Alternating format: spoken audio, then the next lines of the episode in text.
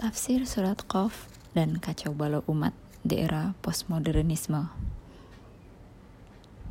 Di dalam ayat 5 surat Al-Qaf dikatakan bal kadzabu bil haqqi lamma ja'ahum fahum fi amrim marij bahkan mereka telah mendustakan kebenaran ketika kebenaran itu datang kepada mereka, maka mereka berada dalam keadaan kacau balau. Keadaan kacau balau atau marij ini dalam The Study Quran, A New Translation and Commentary uh, yang dieditori oleh Said Hussein Nasr. Istilah marij lainnya dari istilah marij adalah marija yaitu sesuatu yang telah sepenuhnya tercampur baur sehingga keadaan sejatinya tidak bisa dilihat atau dipahami. Hal ini juga diartikan ketidakmampuan untuk membedakan kebenaran dengan kesalahan. Sehingga keadaan kacau balau yang dimaksud menunjukkan situasi ambigu dan rentan karena mereka percaya pada berbagai hal yang berbeda-beda. Nah, belakangan ini keadaan kacau balau muncul dalam berbagai bentuk termasuk di gerakan sosial. Ada istilah baru yang mulai populer yaitu wokeism. Istilah ini awalnya memang untuk menunjukkan wujud dari kelompok yang menganggap diri mereka tercerahkan atau terbangun gitu lah ya, woke gitu dari berbagai ilusi dan penindasan yang tanpa sadar beroperasi di balik panggung demokrasi, kesetaraan, dan kebebasan. Awalnya istilah ini lahir sebagai agregat dari berbagai gagasan, filsafat, dan gerakan perlawanan interseksional. Dari mulai anti-rasisme, anti-kolonialisme, feminisme, dan politik identitas. Dalam perjalanannya, wokeism ini semakin bergeser dari perspektif kiri yang lebih struktural menjadi kiri eklektik yang kultural. Anti kapitalisme hanya menjadi slogan pinggir dan identitas tiba-tiba menjadi supremasi dari basis perjuangan mereka. Sebagian malah tak lagi kritis terhadap kapitalisme dan melupakan perjuangan kelas. Postmodernisme atau penolakan terhadap kebenaran tunggal dan justru alih-alih perayaan atas subjektivitas dan diskursif menjadi paradigma wokeism ini. Meskipun mereka merangkul paradigma apa pun selama sejalan dengan agenda politik mereka gagasan-gagasan mereka sering atas nama demokrasi, yang tentu saja selalu bisa dimaknai apa pun, asal itu diklaim sebagai suara massa, suara mayoritas, atau suara inklusif dari berbagai kelompok. Ini seperti kondisi kacau balau dan menuntut umat Islam untuk memaknai rahmatan lil alamin dengan horizon residu orientalisme dan kerak-kerak liberalisme. Arti kasih sayang atau pengasih, rahman, rahim, dan perdamaian, salam atau Islam dijadikan slogan apologetik untuk menolerir dan menerima perbedaan gaya hidup sekelompok manusia, menormalisasi eksploitasi, serta merayakan konsumerisme dan individualisme seabsurd apa pun. Demi bisa inklusif, multikultural, toleran, dan penuh damai menurut definisi demokrasi dan HAM yang sekuler.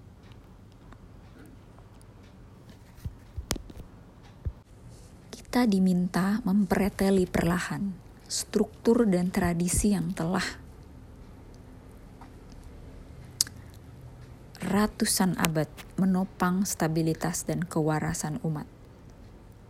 Tak perlulah kita bahas soal bagaimana peristiwa penusukan Salman Rushdie bulan Agustus 2002.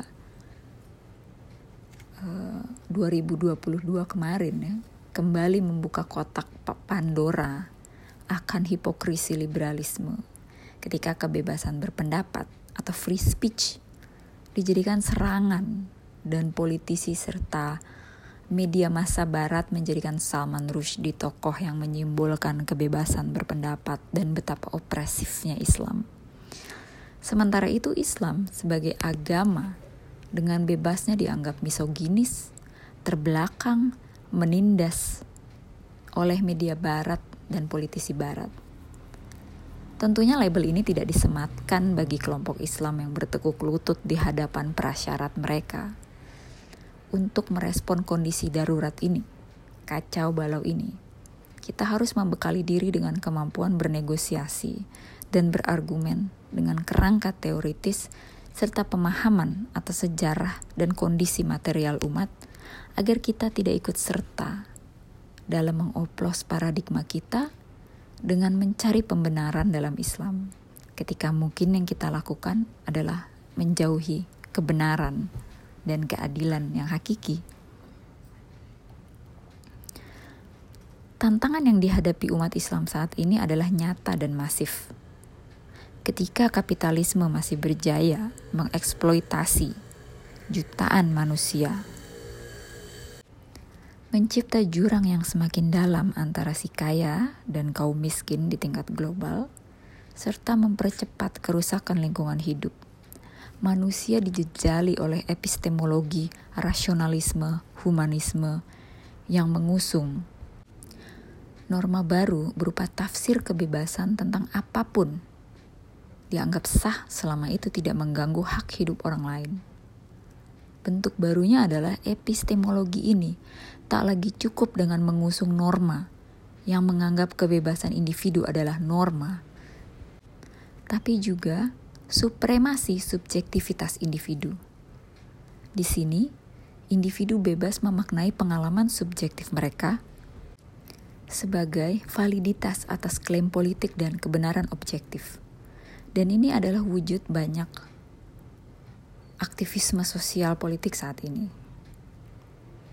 Di sosial media, lingkungan akademik dan gerakan sosial sekarang – marak kelompok yang mengoplos berbagai rupa ideologi dan praktik keberagaman absurd untuk meramaikan langgam postmodernisme.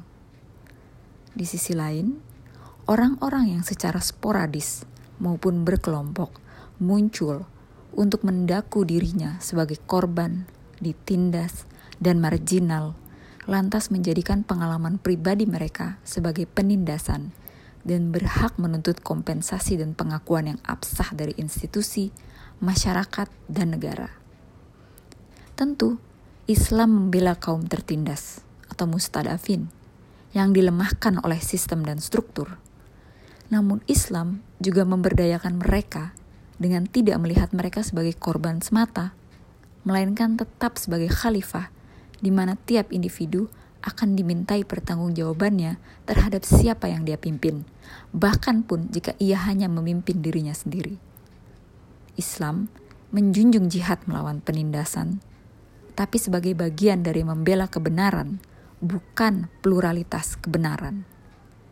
Saat ini, kita justru mendapati krisis identitas menyeruak dari mereka yang mengusung pengalaman dan identitas diri sebagai yang paling utama orang-orang yang kehilangan akar, menolak adanya kebenaran tunggal demi kebenaran yang subjektif dan jamak, dan untuk sesaat tampak seperti ruang demokratis yang agung.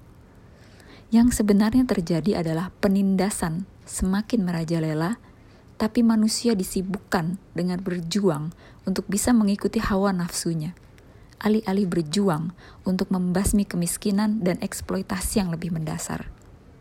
Ini bukan pesta atau parade hura-hura. Di sini, perjuangan membutuhkan disiplin, pembersihan jiwa secara berkala, pembelajaran yang keras, dan pengorganisasian kolektif. Tidak ada jalan mudah. korban penindasan mana yang dibela Islam, garis ini juga harus kita definisikan dengan jelas.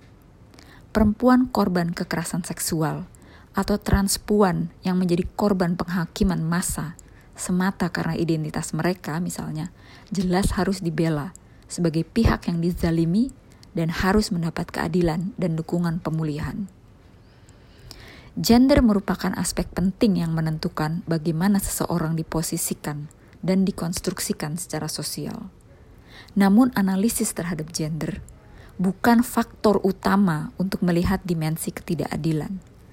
Gender tidak bisa dilepas dari sejarah dan kondisi material masyarakat, sehingga ini tidak berarti bahwa perspektif dan pengalaman perempuan atau transpuan tertindas lantas menjadi lebih unggul ketimbang pengalaman ketertindasan kaum buruh nelayan laki-laki yang setiap hari dieksploitasi sembari berjuang mencari nafkah untuk istri dan anak-anaknya.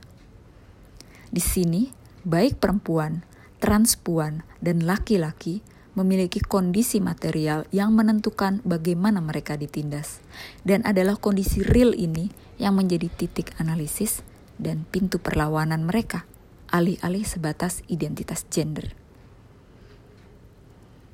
Kini ada upaya politik untuk mempersenjatai mereka yang merasa identitasnya ditindas, dipinggirkan, dimarginalkan, dengan menjadikan pengalaman atas gender dan seksualitas mereka sebagai parameter untuk menuntut hak.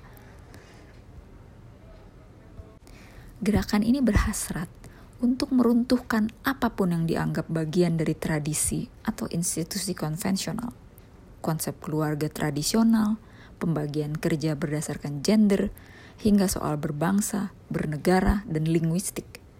Bagi mereka, yang utama adalah prinsip egalitarian ekstrim. Yang penting, relasi itu berdasarkan konsen dan kesepakatan bersama. Yang penting, laki-laki tidak dominan. Yang penting, hidup tidak diatur secara ketat oleh agama